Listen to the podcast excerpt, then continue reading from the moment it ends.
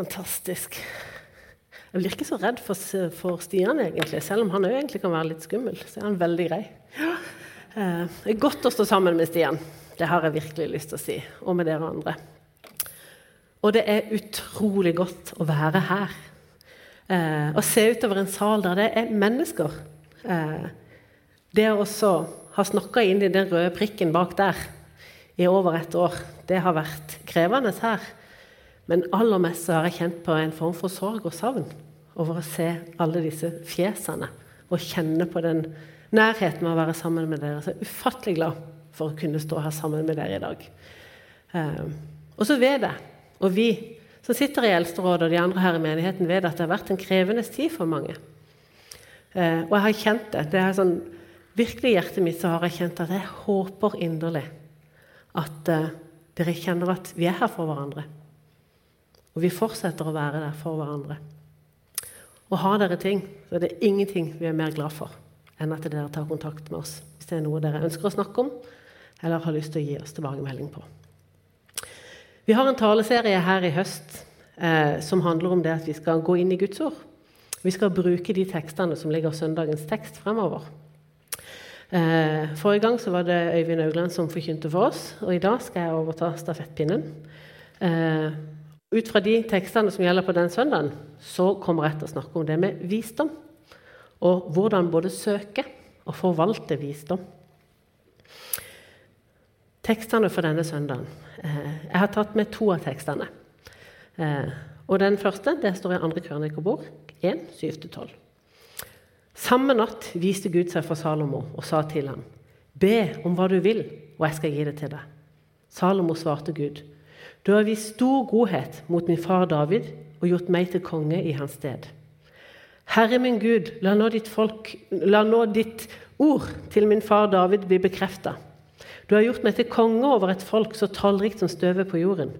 Gi meg nå visdom og forstand, så jeg kan være fører og leder for dette folket. For hvem kan ellers styre dette folket ditt, så stort som det er? Da sa Gud til Salomo. Siden det var dette som lå deg på hjertet, og du ikke ba om rikdom, formue og ære, ikke om død over dine fiender eller om et langt liv, men du ba om visdom, visdom og forstand til å styre mitt folk, som jeg har satt deg til konge over. Så skal du få visdom og forstand. Men jeg vil også gi deg mye rikdom, formue og ære som ingen konge før har hatt, og ingen etter deg kommer til å få. Jeg skal også ta med en av de andre to tekstene for denne søndagen, som står i Efeserbrevet 4, 11-16. Og det var han som ga noen til å være apostler, noen til profeter, noen til evangelister og noen til hyrder og lærere, for å utruste de hellige til tjeneste, så Kristi kropp bygges opp, inntil vi alle når frem til enhet i troen på Guds sønn og i kjennskap til Han, og blir det modne mennesket som er fullvokst og har hele Kristi fylde. Så skal vi ikke lenger være umyndige småbarn. Ikke la oss kaste hit og dit og drive omkring med hvert eneste vindpust av ny lære så vi blir et bytte for menneskers falkespill og listig forførende knep. Men vi skal være tro mot sannhet i kjærlighet, og i ett og alt vokse opp til Han som er hodet, Kristus. Ut fra Han ble hele kroppen sammenføyd og holdt sammen av hvert bånd og ledd. Alt etter den oppgave hver enkelt har fått tilmålt, så kroppen vokser og bygges opp i kjærlighet. Slik lyder Guds ord. Og Det er veldig bra at en av dere tok den når jeg glemte å ta den. Ut av dette her så vil jeg da fokusere på dette med visdom. Eh, og så kan en godt tenke at for her Salomo han ber oss som leder at gi meg visdom for å lede et folk. Eh, men vi er jo ledere alle sammen. For vi er alle ledestjerner. Eh, vi er alle ledere som er satt til å være med og lede mennesker inn til Kristus. Og vi er alle, av Guds, eller, vi er alle barn av Guds rike.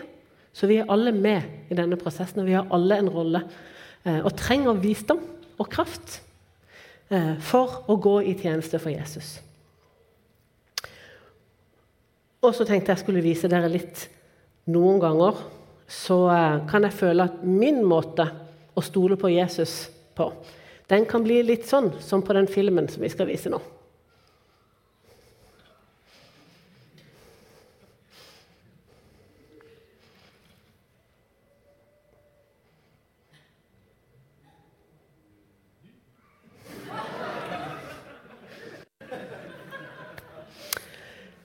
Jeg kan bli litt sånn at eh, jeg roper 'Jesus, Jesus'. Da har jeg satt meg fast. Kan du hjelpe meg? Kom, hyrde, og hjelp meg opp. Og Jesus, han kommer. Han hjelper meg opp. Så sier jeg 'Takk for hjelpa, nå klarer jeg meg sjøl'. Så gir jeg på, og boff! Rett i grøfta igjen. Jeg stoler på min egen visdom. Altfor ofte. Og så roper jeg «Eh, 'Jesus'. Det var visst flere grøfter. Så jeg trenger visdom. Jeg trenger kraft, og ikke minst så trenger jeg visdom til å stole på Han som har all visdom, for å unngå at jeg hopper rett ut i grøfta igjen. Og takk og lov for nåden, for Jesus han tar meg opp av grøfta uansett hvor mange ganger jeg hopper uti. Eh, men når man da skal tale om visdom, så tenkte jeg jeg må jo faktisk ha en definisjon på visdom. Eh, og den jeg fant, det er fra selveste Wikipedia. Visdom kan defineres som kunnskap oppnådd av egen erfaring, og dermed kunne, for dermed å kunne dømme hva som er rett handling i en gitt situasjon. Visdom kan også defineres på mange andre måter og settes i sammenheng med flere forskjellige ting. Moral, innsikt, forståelse, medfølelse, høy levealder og anses som en sjelden positiv personlig egenskap eller som en dyd i de fleste egenskaper og fleste trosretninger. Intelligens, følelser og spiritualitet har også likheter med visdom, men er ikke det samme. F.eks. er det mulig å ha intelligens og derfor forstå hva noe er, men likevel mangle praktisk erfaring til å vite hvorfor det er sånn. Likevel er det ikke slått fast en bestemt definisjon om nøyaktig hva, som, hva det betyr å være vis ved hjelp av vitenskapelige studier. Det er rett og slett ikke gjort forskning og vitenskapelige studier på hva, hva visdom er. Og her tenkte jeg at jeg kunne bidra. Som dere ser, så har jeg på meg forskerfrakken min i dag. Jeg var litt fornøyd med det og tenkte at jeg kunne faktisk bidra her. Jeg skal, skal, jeg begynne å trykke siden det egentlig er meg som skal gjøre det? Ja. Eh, nei, nå gjorde jeg jo feil, selvfølgelig. Sånn. Jeg fant en formel for visdom. Visdom er da L ganger 3 pluss M. Eh, for å bli vis så må man lære, man må lytte, man må lyde, og man må kunne mentalisere. For å ta mentalisering først. Mentalisering er et vanskelig ord. Jeg jobba veldig lenge med å klare å forstå det. Men det for meg så handler det om at man må kunne ikke bare vise medfølelse for andre. Ikke bare kunne sette seg inn i hvordan andre har det, men også kunne se hvordan påvirker jeg på hvordan andre har det. Hvordan er min påvirkning inn i dette? F.eks. på en arbeidsplass. Hvis du har en kollega som er utenfor, som kanskje har stått opp kanskje for har stått opp for noe han tror på, og så sier de andre at det syns de er veldig veldig, de er veldig uenige i dette, her, og han blir stående alene, så vil empati være din medfølelse for han. Mentalisering vil være å forstå hvordan det virker hva du gjør på hans utenforskap. Om du sitter stille, eller om du handler. Der ligger mentaliseringa. Å se sin effekt på andre mennesker. Og det påvirker læringa, lyttinga og lydigheten vår. Så derfor måtte det være pluss en M der. Men lære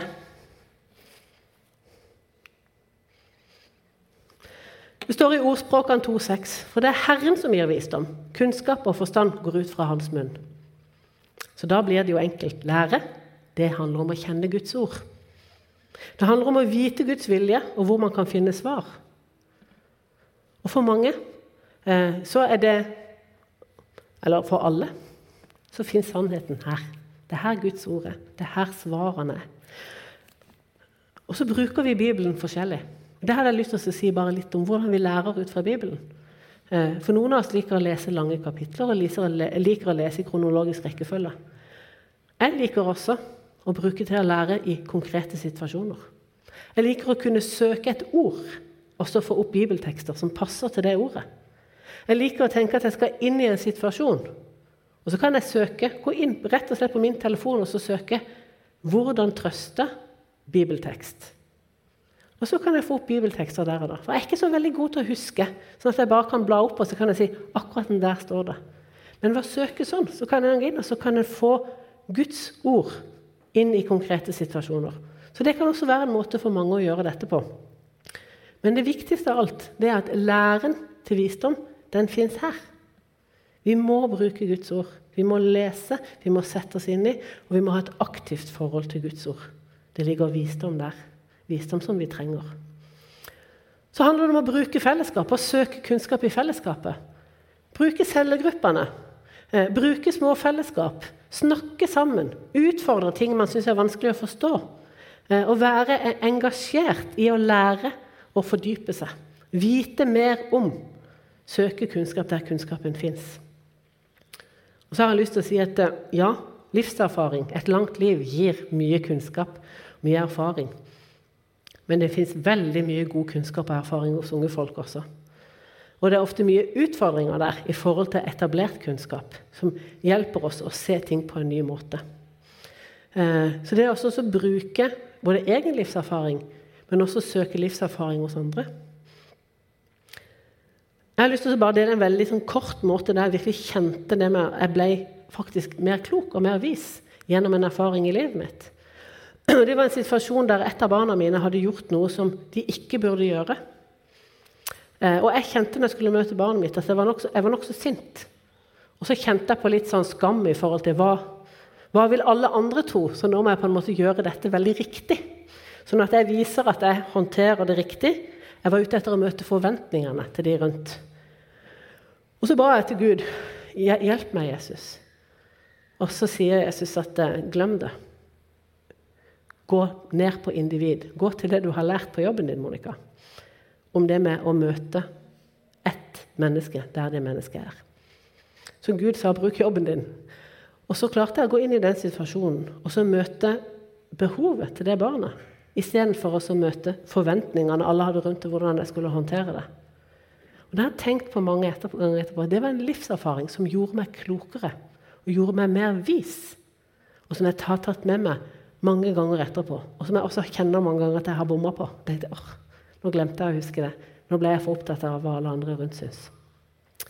Kort, liten livserfaring. Generasjoner jeg syns det er fantastisk at vi i Hånes kirke ønsker å vektlegge at vi vil være en generasjonsmenighet. Og så må vi klare å praktisere å være en generasjonsmenighet. Vi må klare å sammenføye generasjoner. De unge mot de eldre, de eldre mot de unge. Og vi må bruke hverandres erfaring, vi må bruke hverandres søken etter kunnskap eh, for å sammen bli en visere forsamling. Jeg vet at eh, På en friktur vi hadde, så var det noen av ungdommene som inviterte noen av de godt voksne inn til samtale og snakke om livet. Det tror jeg vi skal gjøre mer av. Eh, snakke sammen, undre seg sammen, dele erfaringer og lure på hvordan var det og hvordan er det nå. Eh, tror jeg er kjempeviktig. Eh, vi lærer av å være sammen. Og jeg husker at eh, min bestefar han var noe av den klokeste jeg visste da jeg var barn. Når jeg ble voksen, så skjønte jeg at han var sånn helt alminnelig klok. Det var litt sånn rart å skjønne, men han gjorde mange kloke ting. To ting jeg husker som jeg, har vært viktig for meg, det er at jeg husker han sa alltid 'Vår Herre'. Han sa ikke Gud. Og så har jeg tenkt på det mange ganger, at inni det så lå det så mye respekt. For det sa noe om en ordning, en rangordning. Han er vår Herre. Han er vår leder. Han er den allmektige Gud. Det tok jeg med meg at han alltid brukte. Og han brukte det faktisk nokså ofte. Og så husker jeg at han ga meg ei bok. Jeg husker at han ga barnebarna sine forskjellige bøker. Men han ga meg ei bok, og så sa han denne skal du lese, for her ligger det noe som vil forme deg fremover. Og Det var boka om Annie Skau, som drev barnehjem i Kina. Den forma meg. Den prega meg. Og var med altså retning i at jeg skulle jobbe med sårbare barn. Eh, så visdom skal vi, fra eldre og fra voksne skal vi ta med oss.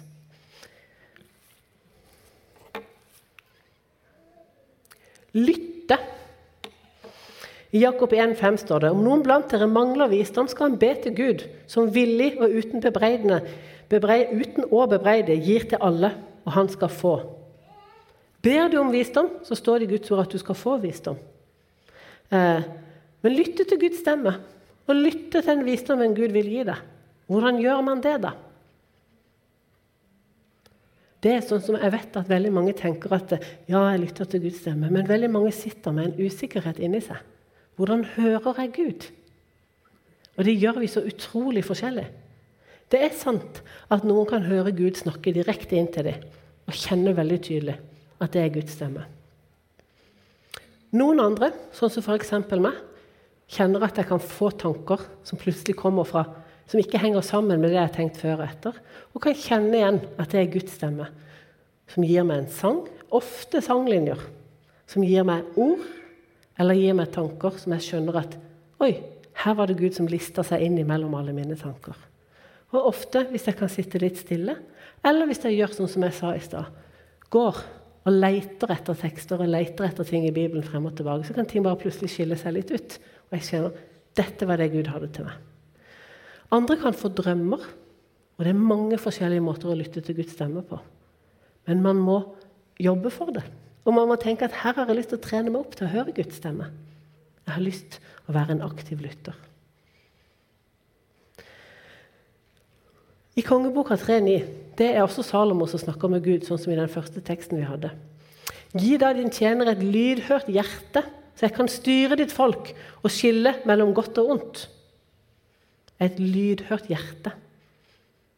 Det ligger mye visdom i å lytte, å lytte med hjertet. Å lytte bak alt det som blir sagt. Å lytte til den lille stemmen. Å lytte til stemninga. Å lytte til sårhet og savn. Og av og til så kan en finne veldig gode hjerter og veldig mye søkende og sorg bak uttalelser som kan virke sterke og harde. Så det å skille på godt og ondt Visdom ligger i å av og til kunne finne det gode bak det, som kan fremstå som kaldt og hardt. Det syns jeg er viktig å tenke på. Hva lytter du etter? Hvordan lytter du? Og så er det en advarsel i det med å lytte. Før jeg går dit, så har jeg bare lyst til å si at hvem er det du lytter til? Hvem er du sammen med? Hvis du er sammen med bare mennesker som er helt enige med deg hele tida, utfordres du da? Jeg har lyst til å oppfordre oss alle til å være sammen med mennesker som er uenige med oss. Ikke nødvendigvis for å diskutere, men for å lytte. For å bli, bli klok i møte med dem. Lytt etter hvorfor tenker du sånn som du gjør. For det er muligheten jeg har til å møte hjertet ditt, og ikke bare ordene dine. Jeg ser på politiske debatter nå den her, Lytter de til hverandre? Eller er de bare opptatt av å få sagt det de vil si sjøl? Jeg har lyst til å lytte nok til at jeg kan komme igjennom til det usagte. Og jeg har lyst til å treffe mennesker som er så forskjellige fra meg sjøl at jeg blir både utfordra, men aller viktigst at jeg blir mer sikker på meg selv og hva jeg står for. Sikker på min relasjon til Gud. For det gjør jeg også når jeg blir utfordra. Men i dette ligger advarselen som jeg holdt på å komme til. Som står i Kolossene 2,8. Pass på at ingen forfanger dere med visdomslære og tomt bedrag som stammer fra menneskelige overlever overleveringer og grunnkrefter i verden, og ikke fra Kristus. Man må alltid passe på. Og alltid være bevisst på hva en lar påvirke seg. Alltid være bevisst på hva, bevisst på hva en lytter etter. Vi må beskytte oss sjøl. Mot verdens stemme, skrev jeg. Og så er det dette med å være lydige og lyde.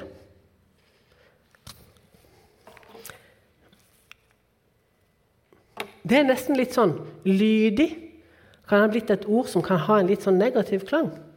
Men det å lyde og høre etter på en autoritet er viktig. Det handler om hvem du er i forhold til Gud. Ordspråkene 1.7 sier det veldig direkte. Å frykte Herren er begynnelsen på kunnskap. De dumme forakter formaning og visdom. Den er litt rett ut, men det er jo noe med det at det å frykte Herren er begynnelsen på kunnskap. Det å ha visdom, det å ta imot en formaning, det utvikler oss, det styrker oss. Nåde og sannhet. Vi trenger sannhet, og vi trenger tydelighet. Og så frykt. Vi er så redd for ordet frykt, men det å frykte Herren betyr jo ikke at vi skal være redd for Herren. Det betyr at vi skal vite hvem vi har med å gjøre. Ærefrykt. Det er den allmektige Gud vi har med å gjøre. Vi skal ha ærefrykt for Gud. Vi skal være ærbødige under Han og vite at det er selveste skaper av himmel og jord som snakker. Det er Han vi skal lyde. Det er Han vi skal underordne oss, og det er Han vi skal tenke vet best. Tilbake igjen til bildet av sauen med. Hvem vet best hvor det er lurt å gå? Meg eller den allmektige, allestedsnærværende og allvitende Gud, min far? Det å overgi seg til Han å være lydig til Han, det er det beste for meg. Garantert for å unngå å gå i grøft. Og Det å være lydig det handler om en dyp, dyp kjærlighet. Og når jeg har jobba med den teksten, hver gang jeg kommer til den sida her, så blir jeg minnet på en sang av Bjørn Eidsvåg. Og slekta mi der nede Jeg skal ikke synge, så bare frykt ikke. Eh, men i den sangen så er refrenget Som et barn ble du båret til meg. Som et barn må du overgi deg. Slutt å gå. Det er jeg som skal komme til deg. Og For meg så blir det når du setter lydighet i det perspektivet, og snakker om lydighet ut fra en Gud som ønsker å møte deg som et sårbar lite barn, og som ønsker å komme til deg så blir lydighet så kjærlig. Og Øyvind talte sist om den gode far. Den gode far ønsker det beste for sine barn. Visdom ligger i å være lydig og ligger i å vite. Gud vet best. Gud vil meg best. For Han er allmektig. Alle steder nærværende og allvitende. Så da er det noen ganger at eh, vi har den her 'What would Jesus do?' som er veldig bra. Hva ville Jesus gjort her? Men også å spørre Jesus, hva vil du jeg skal gjøre her og nå? Og så tørre å være lydig mot det Jesus minner deg på. Og så erfarer man seg frem. Her kommer det med visdom og erfaringen. Man erfarer seg frem at når man går i den lydigheten, så skjer det ting. Og når man begynner å si 'Å, 'Gud, jeg vet ikke om jeg hørte det riktig, for jeg tror dette er bedre', da er man kjapt i grøfta igjen, altså. Jeg har prøvd og har virkelig erfart og kjent smerte på når jeg ikke var lydig. Der jeg burde vært lydig. Og der et annet menneske ikke ble møtt på den måten det burde bli møtt fordi jeg valgte å overhøre Gud. Lydighet, dere. Å lære, lytte og være lydige. Men det er én faktor her som må være med i min formel. Vi husker alle når vi gikk på ungdomsskolen og så lærte vi om den der kloroform, klorofyllformelen. Den lange med masse c-er og o-er og h-er i. Det var én faktor som var essensiell for at oksygen skulle bli karbondioksid og omvendt. Og det var lys og sol. Det var energi.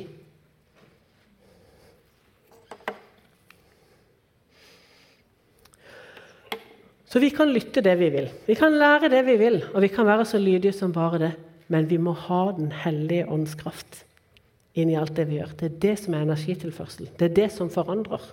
Det er det som går fra at det er løsrevne ord, til at det faktisk blir reelt liv som forandrer. Det er da det blir eksplosjoner, hvis en går tilbake til forskerfrakken min.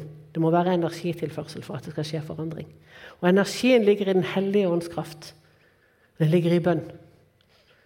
Og det vil si at Når man skal bruke visdommen sin, når man skal inn, sånn som Salomo, skal gå inn og dømme mellom godt og ondt, skal lede et folk, skal være med i bevegelse, skal være en representant for Guds rike, skal være en del av en kropp, så må man gå i Den hellige ånds kraft. Og vi må be. Vi må snakke med Gud. For noen så har man faste bønnestunder og bruker tid. For meg så er det veldig ofte Jesus, vær med meg. Led tankene mine nå. Og så inn i en situasjon. Men det å tenke at det er en ting man gjør, at Den hellige ånds kraft, den allmektige Guds kraft, er med oss inn Hvis ikke så blir det jeg sier nå, teori og tomt. Vi må ha med oss Gud.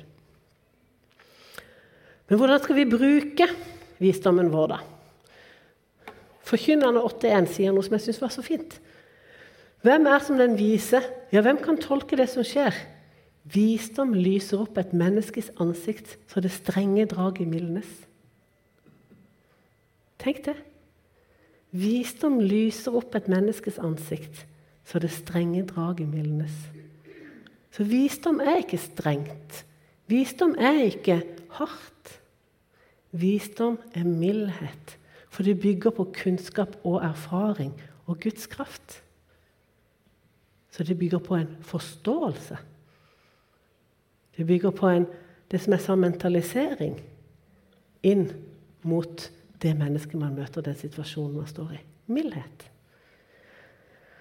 Og Siden vi der er på forskeren, så må man ha en lakmustest på visdom. Det er sånn man tester.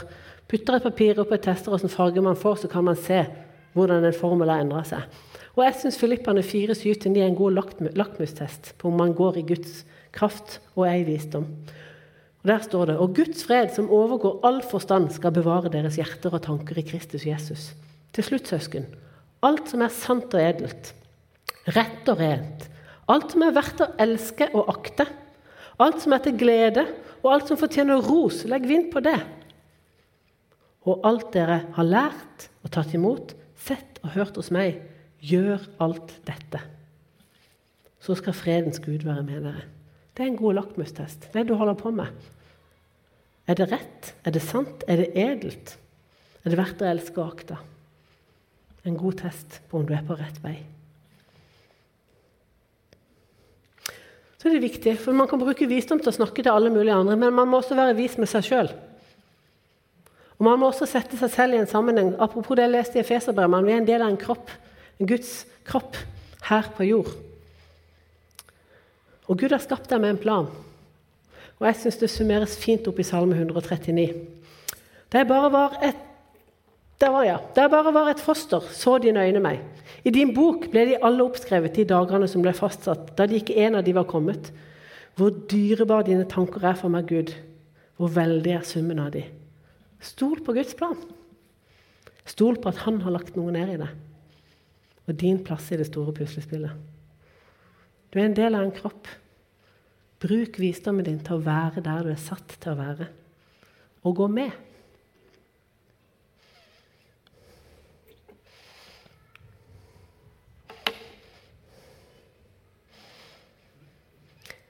Og vi er satt til å bruke visdommen vår til å være forvaltere, å være Jesu kropp på jord.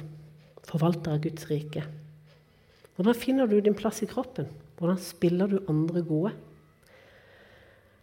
Jeg har lyst til å fortelle kort om meg og kollegaen min Bente. Meg og hun og vi begynte å jobbe sammen, men vi dro ofte i hver vår ende av et tau. Eh, jeg kom sånn og Hadde ikke det vært spennende å gjøre det? Jeg syns vi bør endre den. Jeg synes det burde vært litt annerledes. Og var veldig sånn ho-ho-ho der ute. Og Bente sa men vi har en god plan. Ja, men hvis vi skal gjøre det, så kommer det til å bli kluss på det. Og så dro vi litt i hver vår ende. Og så tok vi en av alle disse her testene man kan ta for å finne ut hvilken type personlighet man er. Og så oppdaga vi hvor utrolig godt vi passa sammen. Vi oppdaga at hvis jeg tenkte ut, frem og der ute, og Bente satte det i system, så ble det faktisk veldig bra. Siden det har vi jobba enormt tett sammen. Det er sånn. Vi lager fagdager sammen, vi gjør ting sammen, og det går bang, bang, bang, så er det fort. Fordi vi vet hverandres roller. Vi spiller hverandre gode. Vi har funnet vår plass i vårt lille puslespill på jobb. Og det tenker jeg, det er viktig i en menighet. Finne sin plass. Vite hva andre er gode på. Vite hvordan vi spiller godt sammen. Og Noe av vår viktigste jobb det er jo å spille andre gode. Det er jo å finne ressurser i andre. Tale visdom inn i andre menneskers liv. Tørre å gjøre det. Hvis du blir påminnet om noe du skal si til et annet menneske her i menigheten, så gjør det. Si det. Du vet ikke konsekvensene av det, men det gjør den allmektige Gud. Han er med og spiller deg god og spiller andre gode med å faktisk oppmuntre hverandre, støtte hverandre, ta hverandre på fersken i å gjøre det gode. Og så tenker jeg at det, det handler om hva vi gjør sammen. Det handler om helheten. Eh, og det enkle bildet er at hvis jeg er en lille finger, så funker den best hvis det er en tommel sammen med meg. Eh, jeg er avhengig av et annet menneske på sida av meg som sammen kan være med å gi et godt grep. Kroppen må fungere. Vi må være en helhet sammen. Når vi skal på Solstrand, så har vi eh, vært med oss å lage en Solstrandsang. Og Noe av, den, noe av uh, hovedbudskapet i den sangen det er at vi er sammen. Og sammen bygger vi riket. Sammen skal vi løfte frem Jesus.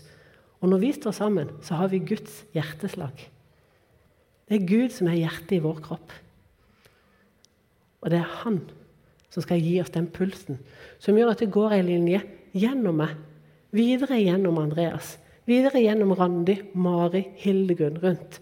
Én felles puls. Dung, dung, dung. Guds hjerteslag mellom oss.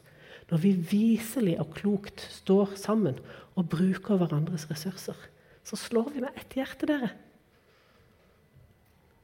Og Det er derfor det er så himla godt å se dere alle sammen. Vi slår med ett hjerte.